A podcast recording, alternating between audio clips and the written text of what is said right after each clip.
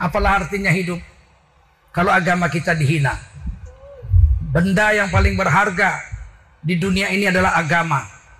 Sebab agama menyelamatkan kita dunia, kubur, masyar sampai akhirat, sampai ke surga.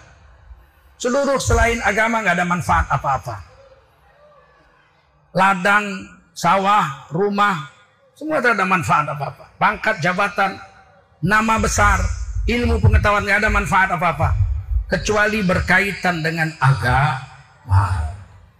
Wamal hayatud dunya illa mata'ul ghurur. Ini dunia main-main aja. Kehidupan dunia ini sendagura main-main, menipu lagi. Mata, dunia ini memang perhiasan. Tapi mata ghurur kata Allah, perhiasan palsu. Bodohlah orang menghabiskan umurnya mengejar perhiasan palsu. Ibu mau dikasih emas sekilo. Mau nggak? Tapi palsu. Nggak mau? Hmm. Ibu punya suami ganteng, kaya mau nggak? Tapi palsu. Mau nggak? Punya anak ganteng, cantik, tapi palsu mau? Nggak ada orang yang mau barang palsu. Orang bodoh saja yang mau mengejar mati-matian mencapai dan memiliki barang palsu. Dunia ini kata Allah wa mal hayatud dunya illa mata'ul ghurur. Ini perhiasan dunia ini memang perhiasan, tapi perhiasan palsu. Main-main aja, senda gurau, bohong-bohongan.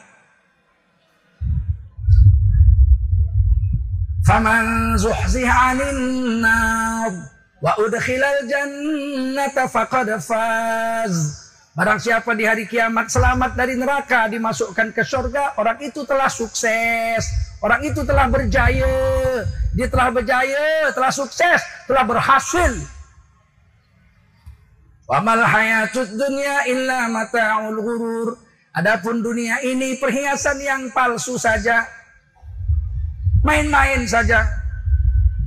Tapi hari ini banyak orang tertipu dengan dunia, meninggalkan agama. Semua selain agama tidak ada nilai. Seandainya agama kita beri nilai satu saja. Satu. Tak usah sembilan kebanyakan. Satu aja, satu. Agama nilainya satu.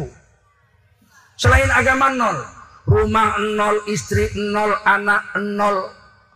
Ladang nol, pangkat nol, jabatan nol, harta benda dunia nol, mobil nol, nama besar nol, gelarnya nol, pangkat jabatan nol, semua nol. Kalau kita punya semua, punya harta, punya pangkat, punya jabatan, punya istri, punya anak, punya ladang, punya nama besar, punya semua, mobil punya semua punya, tapi nggak punya agama, mati nol semua, nggak ada gunanya apa-apa. Sudah dibuktikan. Siapa? Firaun. Kurang apa Firaun? Firaun itu raja, lahir pangeran. Karena dia anak raja. Dewasa jadi raja. Tidak ada yang berani melawan Firaun. Nggak ada yang berani. Satu orang pun nggak berani. Dibunuh sama dia. Orangnya kejam. Nggak punya perasaan. Dan setengah gila. Biasa penguasa kalau lama berkuasa itu karena setengah gila itu. Bukan main-main Firaun. Mimpi dia. Mimpi. Mimpi. Apa? Mimpi dia. Ada anak Bani Israel yang lahir di tahun itu akan menghancurkan kekuasaannya. Merongrong kewibawaannya. Mimpi. Besok pagi langsung dia kumpulkan menteri-menterinya. Tulis perintah saya. Keluarkan perpu dia, perpu. Keluarkan perpu. Bunuh semua anak laki-laki Bani Israel yang lahir tahun ini. Bukan tanggung, tanggung. Kata Imam Suyuti dalam kitab Jurul Mansur. Waktu Fir'aun Ramses II ini berkuasa, orang Bani Israel itu sekitar 600 sampai 700 ribu orang. Kalau kau beranak itu setahun itu mungkin 100 ribu ada anaknya, enggak? Bunuh semua. Kan gila itu. Waktu zaman Nabi Yusuf alaihissalam, beliau jadi raja di Mesir, orang Bani Israel itu cuma 12 orang. Nabi Yusuf, adik kandungnya Benyamin, ini satu ibu satu bapak. Nama ibu Nabi Yusuf namanya Rahil. Apa namanya? Rahil, wanita tercantik zaman itu. Rahil bukan Rokan Hilir, bukan. Rahil itu orang Yahudi menyebutnya Rachel. Siapa? Kalau ada ada di film-film tuh, hey, hey Rachel, Rachel, how are you? Rachel, oh, itu berarti ibunya Nabi Yusuf. Cantiknya bukan main. Kakak kandungnya Laya namanya. Dikawini oleh Nabi Yakub. Jadi Nabi Yakub tuh kawin istrinya dua. Satu kakaknya, satu adiknya. Diambil dua-dua. Kakaknya anaknya sepuluh. Adiknya Rahil, anaknya dua. Nabi Yusuf dengan Benyamin. Jadi anak Nabi Yakub dua belas. Zaman itu boleh kawin dua-dua diambil kakak beradik. Sekarang tak boleh. Sekarang harus pilih. Ambil kakaknya, jangan adiknya. Ambil adiknya, jangan kakaknya. Kalau diambil dua-dua namanya binatang. Lembu diambilnya semua itu kalau lembu. Apalagi ayam. Oh ayam anaknya pun diterkamnya. Kita manusia, orang beriman tidak boleh. Setelah zaman Nabi Muhammad, kalau kakak-kakak aja, kalau adik-adik aja. Boleh dua-duanya kalau mati salah satu. Kawin sama kakaknya, mati ambil adiknya. Namanya, kalau orang Betawi bilang turun ranjang. Dari ranjang kakaknya ke ranjang adiknya. Tapi nunggu mati dulu, kalau masih hidup tidak boleh. Kalau orang Medan bilang ganti tikar, apa namanya? Betul. Nah, 12 anaknya, dibawa semua sama Nabi Yusuf. Nabi Yusuf jadi raja dibawa semua. Sepuluh saudaranya memikul bapaknya Nabi Yakub dengan ibunya Laya. Rohil sudah wafat. Dibawa ke Mesir. Nabi Yusuf duduk di singgah sana. Begitu bapaknya datang, Nabi Yakub dengan ibunya Laya, Nabi Yusuf berdiri. Raja berdiri, mempersilahkan Nabi Yakub dengan ibunya duduk di singgah sana. Langsung saudara-saudara Nabi Yusuf yang 10 orang itu tahu. Berarti raja ini Nabi Yusuf. Yang saya buang dulu ke sumur. Waktu kecil. Kharru lahu sujada. Maka sujudlah 10 saudara Nabi Yusuf. Ke kaki Nabi Yusuf. Boleh sujud.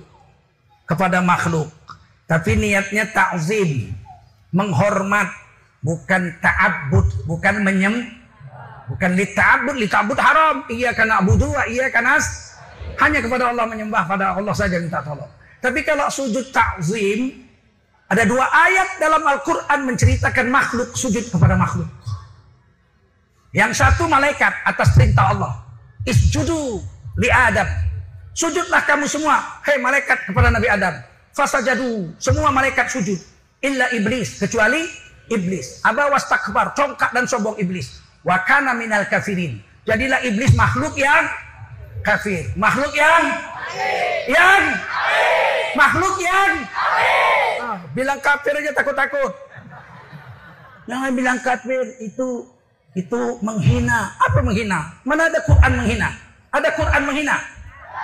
Diganti dong non muslim. Iya. Kenapa? Karena kafir itu kasar. Non muslim lebih kasar. Kafir itu asal kata kafaro yang furu kufron.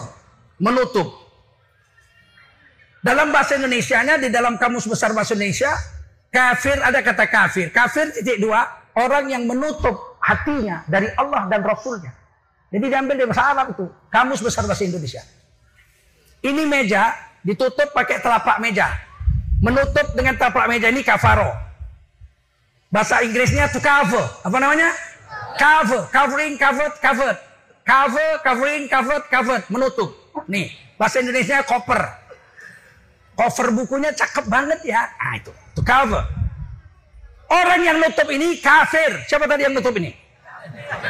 Hei, siapa yang nutup tadi ini? Kafir. Nggak ada menghina situ ketawa kita semua, betul nggak? Nggak ada menghina. Tiba-tiba di presetan bilang kafir kasar. Pemecah belah NKRI. Anti bineka tunggal ika. Kepala tuh kau. Mau seenak kau aja hidup di negara ini ya nggak? Tidak ada kasar-kasarnya di situ. Tukar non muslim.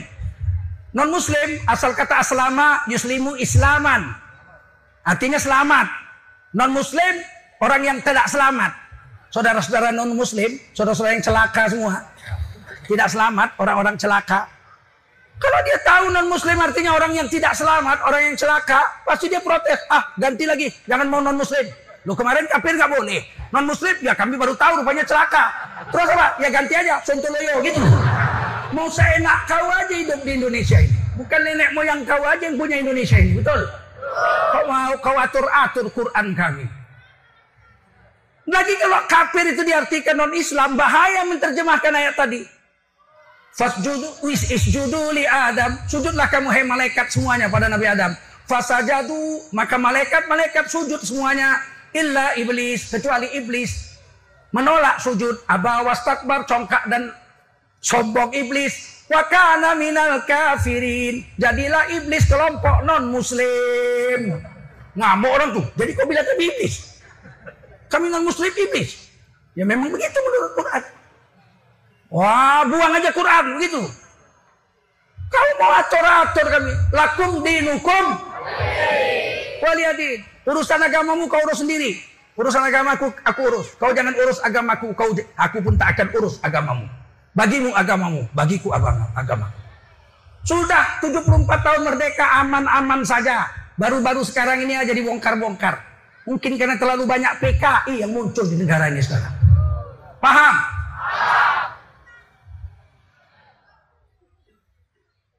Kalau sujud kepada makhluk haram, Tentu Allah nggak suruh dong. Betul kan? Ini kan kalimat perintah fil amr. Isjudu kan kalimat perintah ini.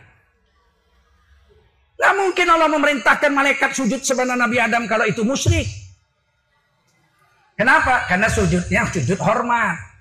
Lit ta'zim, bukan lit ta'bud. Bagaimana dengan Nabi Yusuf? Sama. Sepuluh saudara Nabi Yusuf khadru lahu sujada. Sujud. Begitu warafa'a abuaihi alal arsh. Nabi Yusuf mendudukkan bapak dan ibu tirinya di atas singgasana raja. Wah, tahulah saudara Nabi Yusuf ini tentang raja ini dan Nabi Yusuf. Kharru lahu sujada. Tersungkur sepuluh saudara Nabi Yusuf ke kaki Nabi Yusuf. Sujud kepada Nabi Yusuf. Dua nabi ada di situ. Nabi Yakub dengan Nabi Yusuf. Dibiarkan saudaranya sujud. Kenapa? Karena sujudnya bukan menyembah. Sujudnya hanya menghor dan ini sudah dilakukan oleh orang Jawa ratusan tahun. Gak ada yang protes. Kita pun nggak ribut-ribut memprotes orang Jawa. Ya orang Jawa, kalian ini macam mana ini? Masa anak-anak kalian sujud ke kaki kalian sungkem? Ya biar aja. Boleh, boleh. Asal sujudnya itu lita zim, menghor. Waktu anak Mbak Tutut kawin, yang pertama, saya hadir itu khataman Quran. Habis khataman Quran terus mandi. Mandi terus sujud ke kaki bapak ibunya. Pak Harto masih hidup. Dicuci kakinya begitu kemudian dicium kakinya. Waktu mencium kaki bapaknya dan kakeknya dan ibunya itu ada yang nyanyi, ada yang membacakan syair. Waktu anak Mbak Tutu sujud ke kaki bapaknya, ada orang yang membacakan syair Jawa. Rama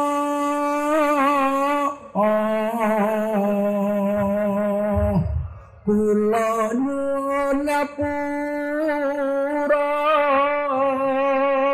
Wah, saya nangis itu. Bapak, aku minta ampun, Pak. Dari kecil Bapak kami susahkan. Cari nafkah banting tulang siang malam.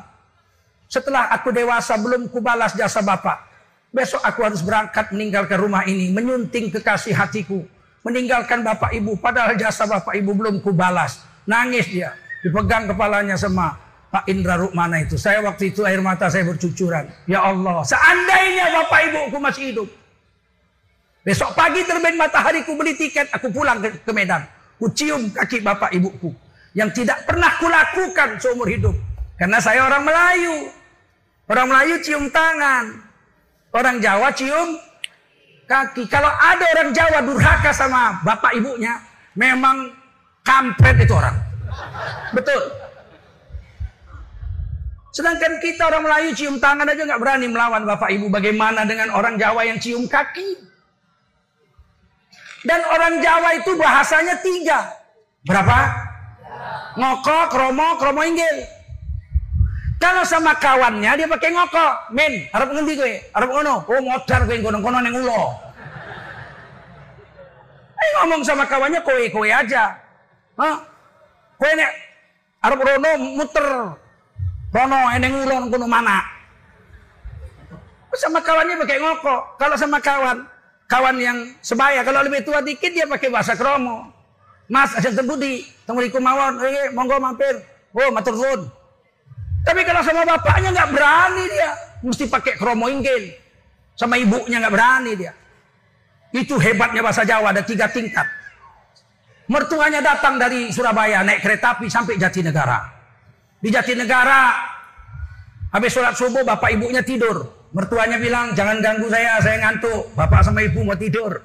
Ya, ya, jam 7 pagi siap sarapan dimasak. Maka kemudian menantunya mengetuk kamar bapak ibunya pelan-pelan. Ketuk lagi. Jawab bapak ibunya di kamar. Ada apa? Nyuwun sewu pak, ibu, nyuwun sewu, monggo, dahar mawon, unjuk ini sampun enten, monggo, dahar mawon nyuwun sewu pak, nyuwun sewu ibu, masya Allah nyuruh sarapan aja minta maafnya 3000 kali. 3000 kali minta maaf 1000 kali Pak. Ibu silakan sarapan, sarapan sudah siap. Minta maaf 1000 kali Pak. Monggo silakan sarapan minta maaf 1000 kali. Salah apa dia? Tidak ada salah dia. Tapi begitulah penghormatan orang Jawa terhadap orang Sekarang Islam ini mulai dirusak. Cium kaki musyrik, cium tangan musyrik. Akhirnya di secondnya aja bapak ibunya. Apa kabar pak? Apa kabar kek? Eh kakek datang batu kek. Kapan mati kek? Kita hari ini dirusak. Secara agama dirusak. Secara moral kebangsaan pun kita dirusak hari ini. Omong kosong aja mereka cinta, cinta NKRI, cinta Pancasila, harga mati. Alah omong kosong aja itu. Tak ada. Buktinya apa? Menteri aja sekarang TikTok. Goyang ubur-ubur. Lumayan kalau mukanya ganteng. Ikan pula. Di mana ada kebudayaan Indonesia goyang TikTok? Ada? Ada? Menteri di istana negara TikTok.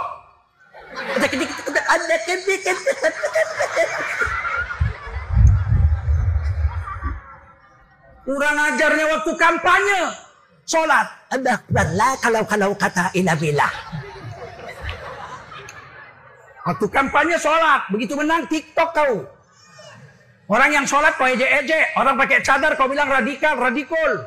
Orang pakai celana cingkrang, radikal. Pakai cadar, radikal. Giliran orang telanjang di foto di medsos. Ingin ku maki, tapi nggak tega mulutku takut. Aku Allah benci sama aku. Kalau aku turut-turut nafsuku mau ku maki aja itu. Betul. Orang telanjang dibilang menteri seni.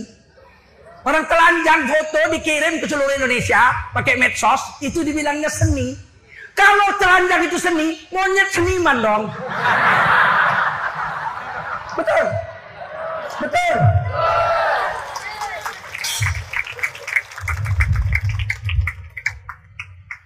Sengaja atau tidak sengaja, kurasa sengaja. Sengaja untuk mengangkat maksiat-maksiat dan menghancurkan agama. Sengaga. Saya sudah amati di empat tahun, lima tahun ini. Memang sengaja. Asal agama pasti dibilang kadal gurun. Pakai jubah serban, kadal gurun, kadron. Saya dibilang Ustadz abal-abal. Modal serban jenggot, pakai daster. Ini dibilangnya daster. Ini pakaian Tuhan Yesus orang itu, betul nggak? Berani bilang Yesus pakai daster. Ini pakaian Nabi Musa, betul? Berani bilang Nabi Musa pakai daster. Ini pakaian Nabi Yusuf. Berani bilang Nabi Yusuf pakai daster. Ditulis di Quran. Waktu Nabi Yusuf dibawa Zulaikha istri Raja Kitfir. Namanya apa? Kitfir, Raja Mesir. Majikan Nabi Yusuf. Kalau anjing Sohibul Kafi namanya Kitmir. Apa? Ah, jangan salah sebut. Kitmir anjing. Kitfir Raja Mesir. Kalau anda dikejar anjing, cukup sebut. Kitfir. Kitmir, Kitmir. Dia anjing tuh. Ah. Tapi kalau santri dikejar anjing berarti nggak sembahyang. Nggak mau anjing mengejar khalifahnya mana mau. Ini kita ini khalifah semua betul. Allah telah menjadikan kamu semua jadi khalifah di atas bumi. Hai orang beriman. Mana berani anjing menggonggong mengejar. Harimau pun tidak berani memakan orang beriman. Hanya PKI yang berani menyebut orang beriman kadal gurun. Kadron, kadron, kadal gurun. Saya dibilang itu banyak di medsos mana saya jawabnya. Ustadz abal-abal. Modal serban jubah jenggot daster. Udah jadi ustadz. Dibikinnya bisa ustadz menyamar. Polisi bisa nyamar. Polisi palsu. Tertangkap juga. Tapi mungkin 4 bulan, 5 bulan, 6 bulan. Sempat juga nyemprit orang. Tentara palsu kemarin 7 tahun baru ketangkap. Kalau ustadz palsu belum ama ba'du udah ketangkap. Baru dia berdiri, Alhamdulillah khutbah Jumat, ustadz palsu. Pakai jenggot serban tapi nggak ustadz palsu. Alhamdulillah.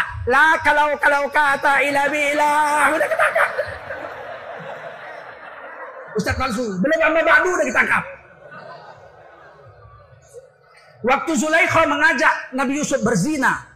Dibawa ke kamar. Kamarnya dikunci pintunya. Kunci jendelanya. Nabi Yusuf diajak berzina. Nafsu mau. Nafsu ammaroh. Bisu. Nafsu mau. Nabi Yusuf dicerita di Quran. Nafsunya mau. Siapa yang nggak mau? Mana ada buaya menolak bangkit? Jadi nggak usah sok jago ini kiai-kiai ini. Aku berdua-dua sama perempuan aman. Aman. Laki-laki kalau sama perempuan berdua mula-mula aman. Duduk kita di kereta api, satu gerbong nggak ada orang, tiba-tiba naik perempuan, perempuan duduk depan, mulai curiga dia. Ini si manis jembatan Ancol apa manusia? Tiba-tiba dilihat ah manusia, ah jelek, hidungnya pesek. Lima menit kemudian hidungnya pesek tapi kakinya bagus, betisnya bagus. Oh, badannya bagus macam gitar ukulele. Oh ini rambut, masya Allah rambut hitam pula, hidung aja pesek. Ketawa, giginya pun rapi. Mulai jahat setan. Gak usah cerita kita.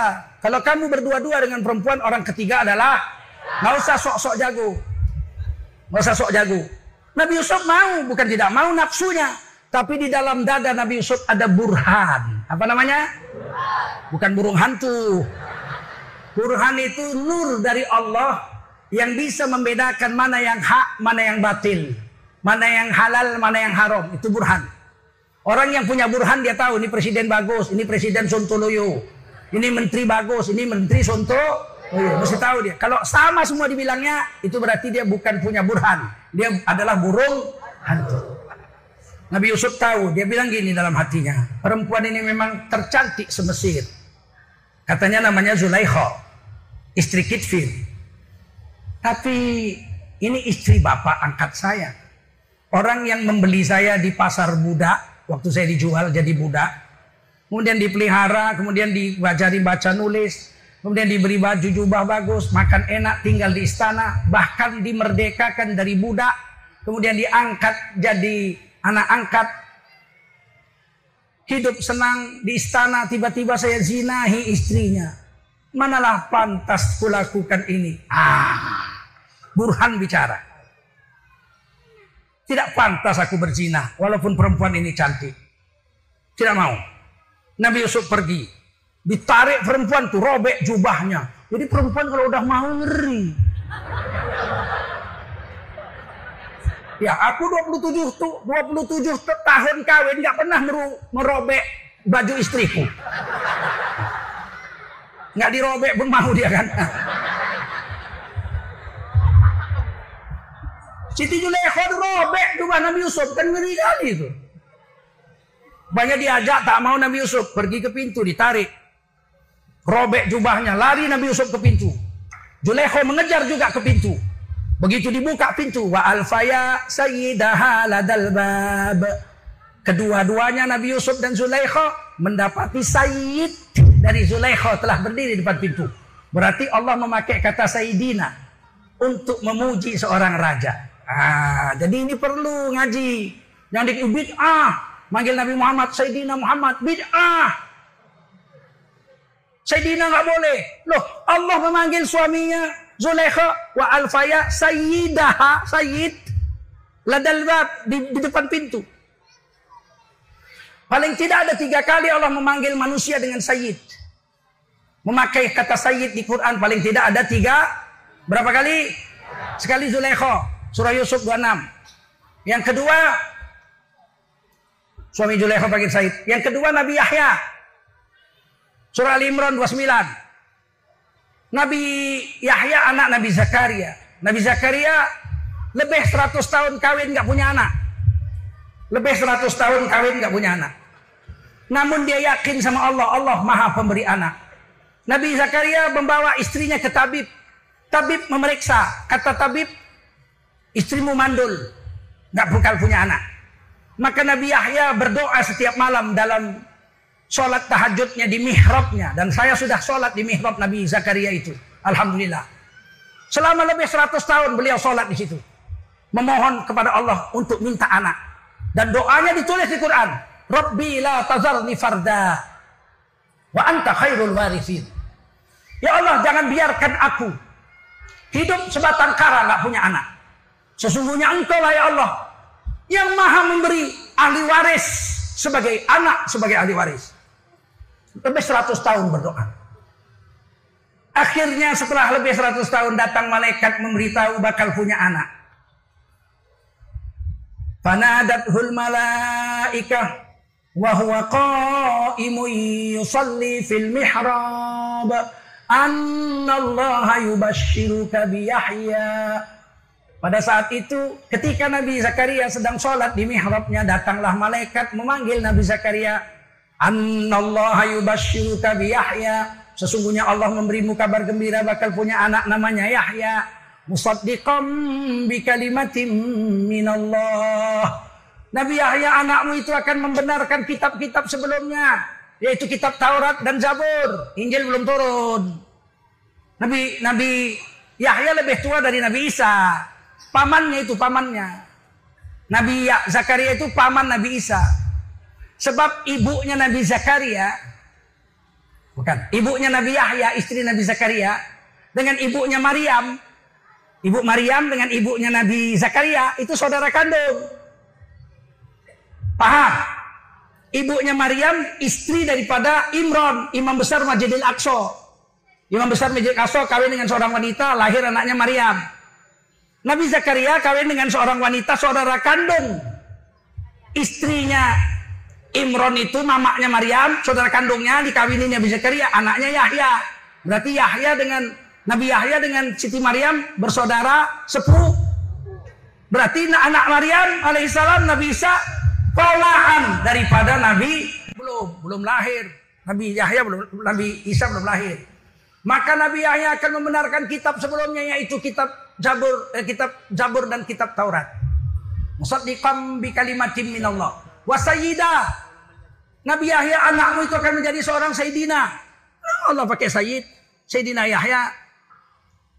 Wahasura, dia akan hidup sehat, besar, dewasa, tapi sebelum kawin mati, mati bujangan. Mati bujangan bahasa Arabnya hasur. Apa namanya? Hasur. Jadi Imam Nawawi itu Ad-Dimaski pengarang kitab Riyadhus Shalihin itu disebut al-hasur. Laki-laki yang tidak sempat kawin, wafat bujangan. Beliau digelar Al-Hasur. Kenapa dia beliau itu Nabi Imam Nawawi ditulis namanya Abu Zakaria, bapaknya Zakaria. Oh, itu penghormatan saja. Diberi penghormatan. Beliau nggak kawin mana punya anak. Imam Nawawi nggak sempat kawin, umur 45 tahun wafat. Pengarang kitab Majmu' Syarhul Muhadzab. Nggak tebel kitabnya, cuma 1,3 meter aja.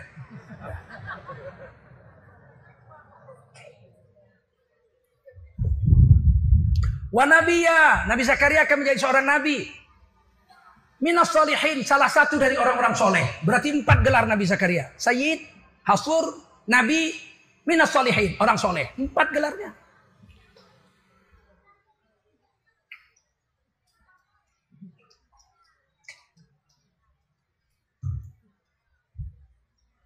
Kita teruskan. Begitu dibuka pintu, suami Zulaikha itu Berdiri depan pintu. Op. Kamar dikunci, jendela pintunya dikunci. Tiba-tiba keluar Nabi Yusuf dari kamar istrinya. Oh, oh. Kamu ketahuan. Ngapain aja kami di kamar istri saya. Pucatlah Nabi Yusuf. Kata Nabi Yusuf, aku tidak bersalah. Yang salah istrimu. Datang istrinya, mana aku yang salah? Ini kamar-kamarku kok. Siapa yang masuk ke kamarku? Begitulah wanita jahatnya. Walaupun dia yang minta, kalau ketangkap awak disalahkannya. Mungkin nggak usah main-main sama perempuan. Ular semua ini.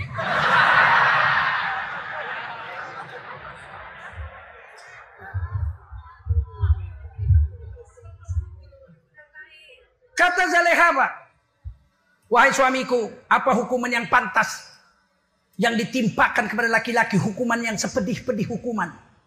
Timpakan apa yang pantas ditimpakan kepada laki-laki yang mengganggu istri seorang yang terhormat.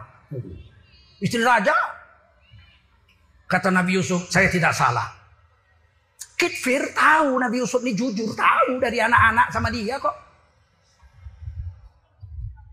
Maka Kitfir mengatakan, kalau begitu biar ada hakim yang mengadili. Ada laki-laki ikut di situ, konangannya ikut di situ. Laki-laki itu saudara daripada Zulekho. Laki-laki itu saudara Zulekho. Diangkat jadi hakim. Kata Kitfir, coba kau adili dulu antara istriku dengan anak angkatku ini. Syahidan min ahliha. Seorang syahid min ahliha. Kira-kira kalau bapak ibu saya tanya, ini hakim ini saudara Zulekho. Kira-kira dia memutuskan perkara berpihak kepada Nabi Yusuf atau berpihak kepada saudara perempuannya Zulekho? Yang kuat jawabnya. Berpihak kepada siapa? Zulekho. Berarti bapak-bapak sama dengan KPU cara mikirnya. Mirip KPU cara berpikir. Ternyata laki-laki ini berpihak kepada kebenaran. Kita orang Islam wajib berpihak kepada tidak kepada Nabi Yusuf dia nggak berpihak. Mana mau dia berpihak sama Nabi Yusuf? Dia pasti berpihak sama adiknya. Tapi dia orang jujur. Maka dia tidak berpihak pada Nabi Yusuf, tidak berpihak kepada Zulaikha, tapi berpihak kepada kebenaran. Kita orang Islam harus begitu. Walaupun presiden kita Pak Jokowi sekarang ini kita akui, entah menangnya jujur atau curang nggak tahu lah, pokoknya dia dilantik. Betul? Kita akui presiden. Tapi kita tidak mendukung dia membabi buta. Kalau salah tetap kita protes. Betul? Karena kita berpihak kepada kebenaran. Apa kata laki-laki itu? Lihat, dia menjawab. Siapa yang salah? Istriku atau Nabi Yusuf? Dia jawab apa? In kana qamisuhu qudda min kubul Seandainya jubah Nabi Yusuf robek sebelah depan, fasodakot istrimu yang betul. Wahua minal kadhibin. Nabi Yusuf pendusta. Wa ingkana komisuhu kudda min dubur. Tapi seandainya jubah Nabi Yusuf robek sebelah belakang. Fakadabat istrimu dusta. Wahua minas sadiqin Nabi Yusuf yang betul. Maka dipegang badannya sama Kitfir. Dilihat Robek jubah Nabi Yusuf sebelah depan. Berarti yang ngotot siapa? Eh, robek sebelah belakang. Berarti yang ngotot siapa? Julekha yang ngejar-ngejar. Ternyata robek sebelah belakang. Apa kata Kitfir? Hebat kali kau nak. nak. Beginilah hebat biniku. Nggak mempan juga sama kau. Hebat kau. Ternyata kau yang betul biniku yang tak beres. Tapi dia takut sama bininya. Dia bilang, udah diam. Anggap nggak ada kejadian. Ini laki-laki Sontoloyo nih. Udah jelas bininya Sontoloyo di saking takutnya sama bini. Banyak orang laki-laki pembesar-pembesar takut sama bini. Kalau sama anak buah garangnya bukan, hei, goblok, dijewer bini aja. Ternyata Kitfir takut sama bini. Udah ketahuan bininya nggak beres. Yang bagus Nabi Yusuf dia bilang apa?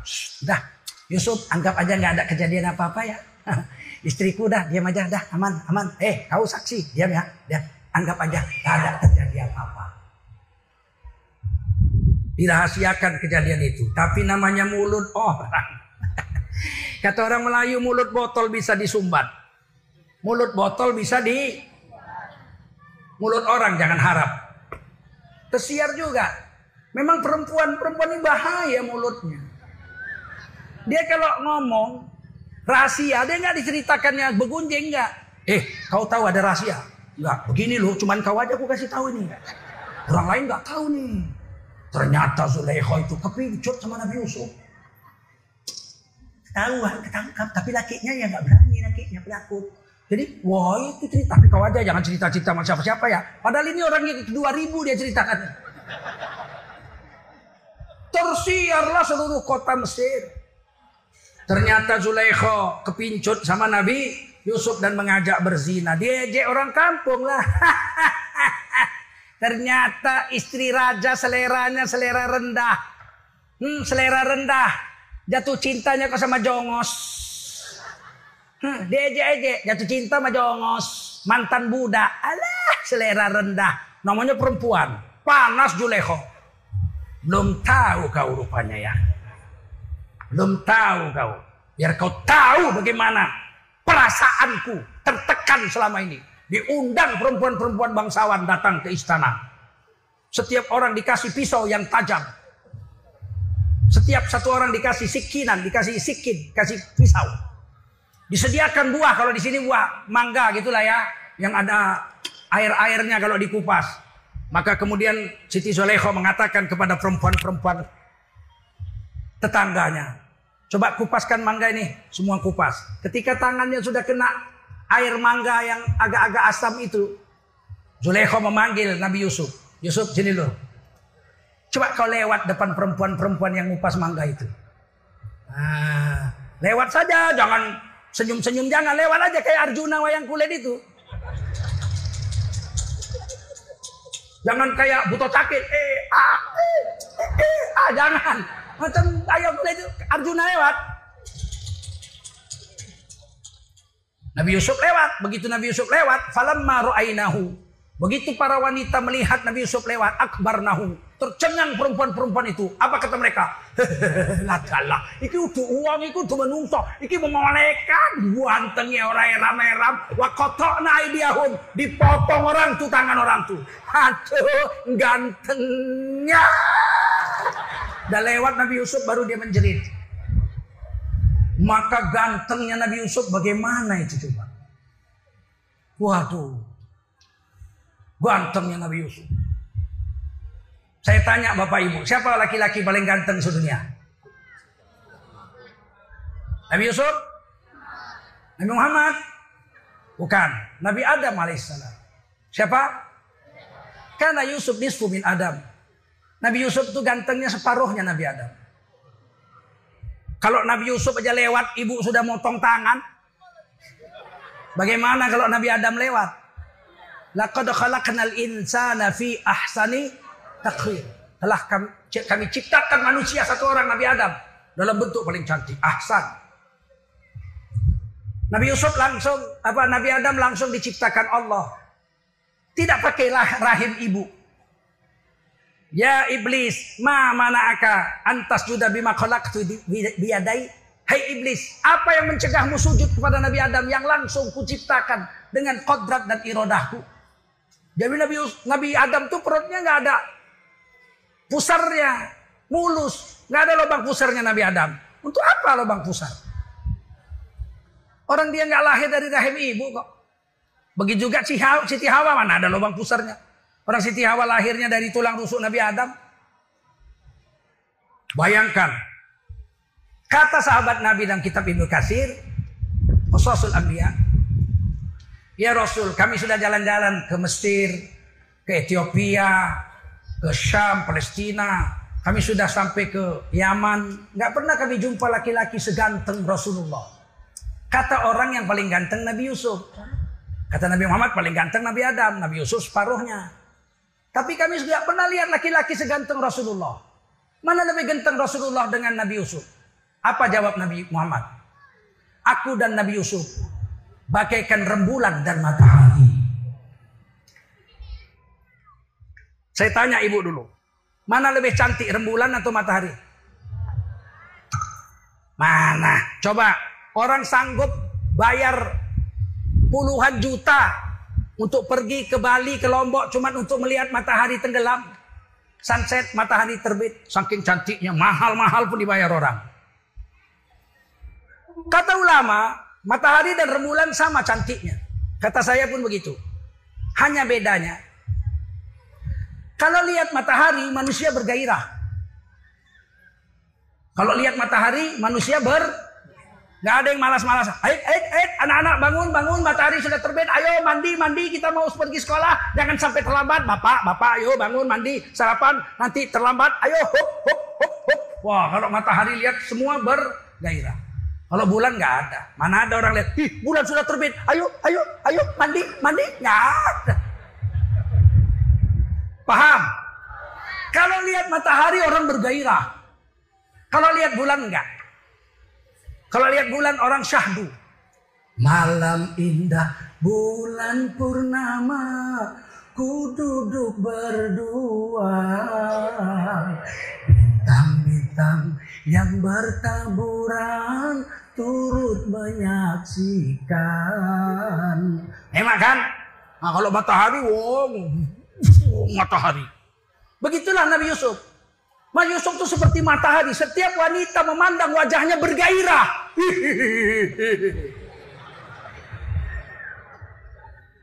Tapi kalau laki-laki memandang wanita memandang Nabi Muhammad SAW, tidak ada gairah, syahdu, tunduk, takzim. Lihat wajah Nabi, ya Allah. Nggak ada perempuan dia wajah Nabi. Nggak ada itu hebatnya Rasulullah itu.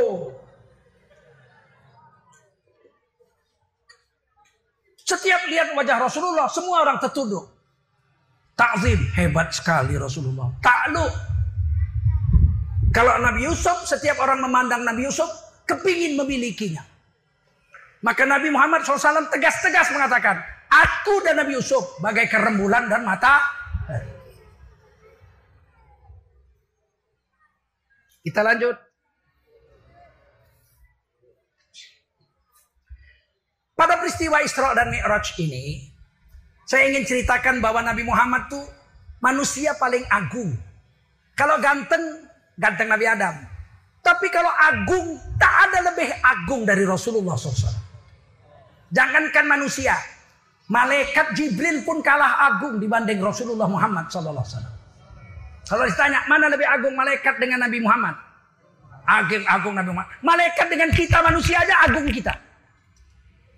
Laqad karramna bani Adam. Allah telah muliakan manusia. Benar-benar. Malaikat itu bekerja untuk kita. Malaikat itu bekerja untuk kita. Malaikat Jibril mengantar wahyu dari Allah kepada Nabi Muhammad. Unzila ilaih. Dikirim wahyu dari Allah kepada Nabi Muhammad. Untuk siapa? Hudallin linnas. Hudallil mut. Tapi untuk kita. Nabi apa malaikat Mikail diciptakan Allah mengantarkan rezeki kepada siapa? Untuk siapa? Rezeki untuk siapa? Untuk kita. Malaikat Mikail kerja untuk kita. Malaikat Kiroman Katibin mencatat amal. Amal siapa? Amal kita. Paham? Malaikat Rahmat mendoakan. Mendoakan siapa? Kita. Tinggi mana pangkat manusia dengan malaikat? manusia. Apalagi orang beriman. Orang beriman paling tinggi derajatnya. Tidak ada lebih tinggi dari orang beriman. Wala tahinu wala tahzanu. Kamu jangan merasa hina. Hai orang beriman. Wala tahzanu. Kamu jangan merasa galau. Jangan merasa cemas. Wa a'launa in kuntum mu'minin.